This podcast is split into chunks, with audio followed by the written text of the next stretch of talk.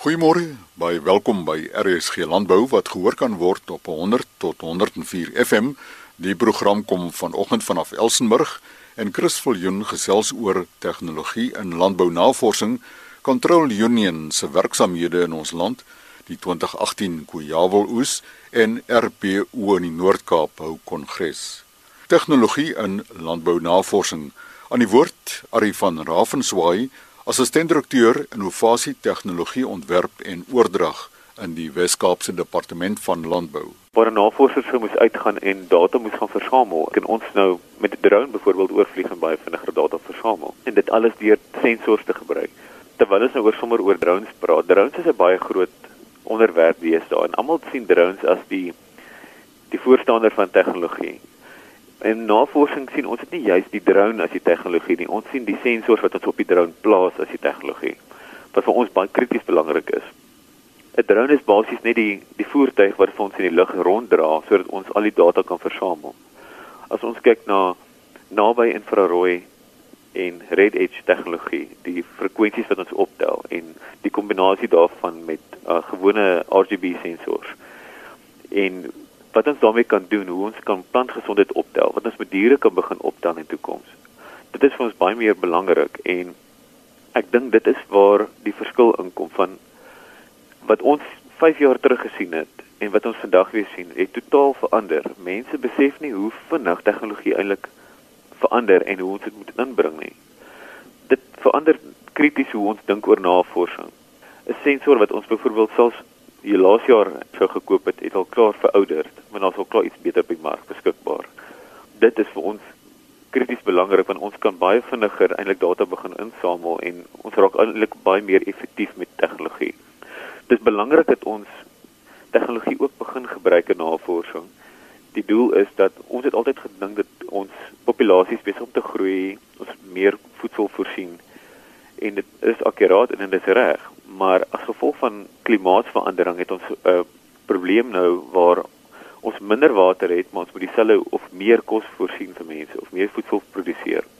Tegnologie help ons hiersommee om vinniger en beter data te kan versamel sodat ons kan sien wat die effek is van die droogte op die plante.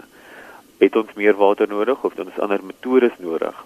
Dit is waar bewaringslandbou inkom. So ons werk baie naby met bewaringslandbou tegnieke en ons kyk die invloed van bewaringslandbou teenoor tradisionele metodes en die impak daarvan en die sensors kan vir ons baie vinniger sê is dit meer effektief of nie. Ons kan dit binne ure prosesseer en die data versamel. Waar tradisioneel sonder sensors sou ons jare moes navorsing doen en moes kyk wat die effek is. Dit vat nog steeds jare om te versamel en deur te gaan maar die data kwaliteit wat ons versamel is soveel meer spesifiek en soveel meer akkuraat as wat mense dit sou kon doen voorheen. Ons vlieg oor die proewe en ons het verskillende proewe binne die groot groter proef het ons klein perseeltjies binne die proef waar ons oorvlieg.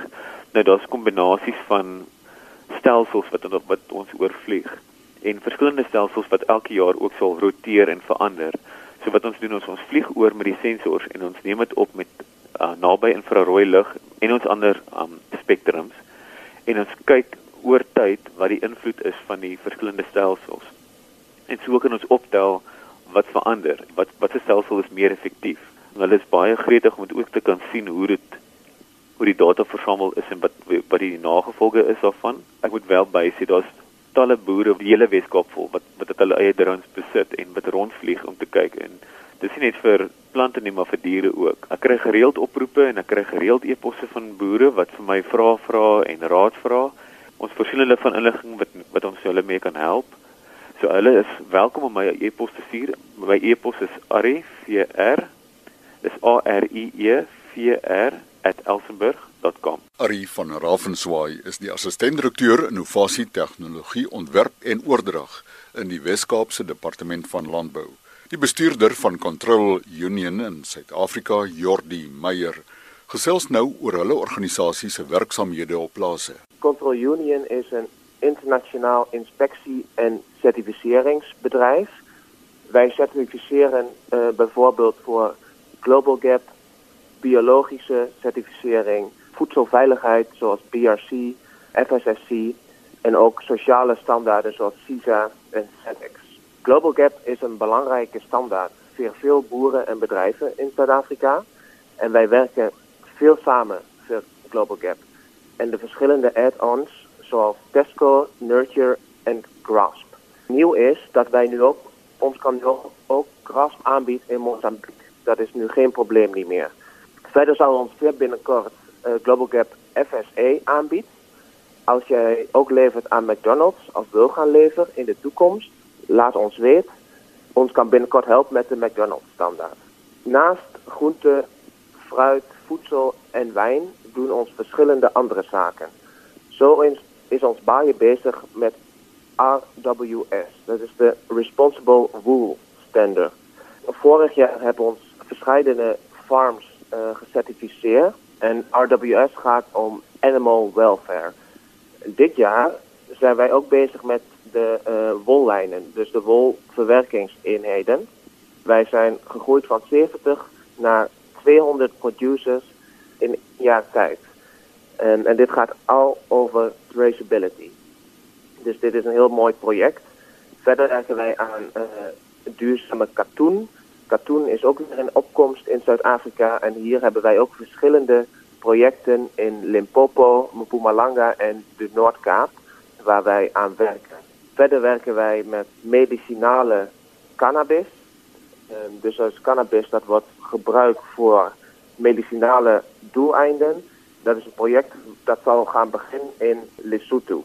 Ten slotte wil ik nog graag vermelden dat wij druk bezig zijn met kwaliteit en kwantiteit inspecties op graan, mais en fruit in de verschillende havens en verschillende locaties in Zuid-Afrika.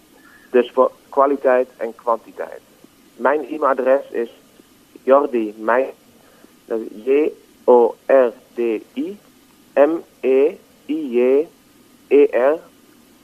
controlunion.com. Control Union se bestuurder in Suid-Afrika, Jordi Meyer. Dis winter, dis Kujaweltyd. Ons verneem by die hoofbestuurder van die Kujawel Produsentevereniging, Wian Victor. Die droogte in die Wes en die Suid-Kaap het maar sy invloed op die, Kujawelbedryf ook, want die Kujawels blom gedurende die vroeë periode Desember, Januarie en en baie van die kujawels het gespeen. Ons het dan ook die seisoen begin deur 'n oeskatting van tussen 10 en 12% kleiner as vir hierdie jaar. Ons het verwag dat die oes gaan kleiner wees. Ons verwag nou nog uh, waar ons besig is om te oes, kan ons nog nie presies sê wat die oes gaan wees nie. Maar wat ek wel kan sê is dat na die goeie winterreëns wat ons gehad het, die gehalte van ons kujawels uh, baie goed is. Waar ons vir hierdie jaar baie klein kujawels gehad het, het ons hierdie jaar 'n goeie grootte wat die mark soek en so ons is baie dankbaar vir die uh, goeie winterreëns wat al reeds geval het en positief inwerk op die kujawelbedryf. By die oomblik is die kujawelvereniging ook besig om te kyk of ons nie uh, die hou vermoë van vars kujawels kan verbeter nie. Een van die swakpunte van kujawels is die kort raklewe wat wat kujawels het en ons kyk nou na verskillende nuwe verpakkings.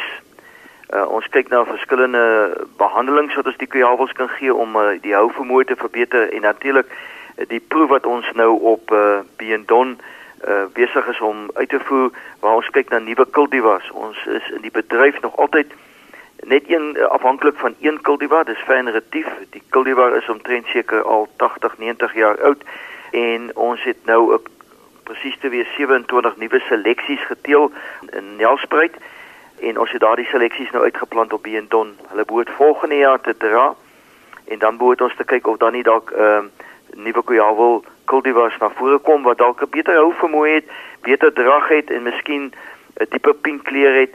Uh, wat die bemarking van kujawels betref, is die sap bedryf tans onder geweldige druk. Dit is nie net sap kujawels wat onder druk is nie, dit is ook die ander sappe.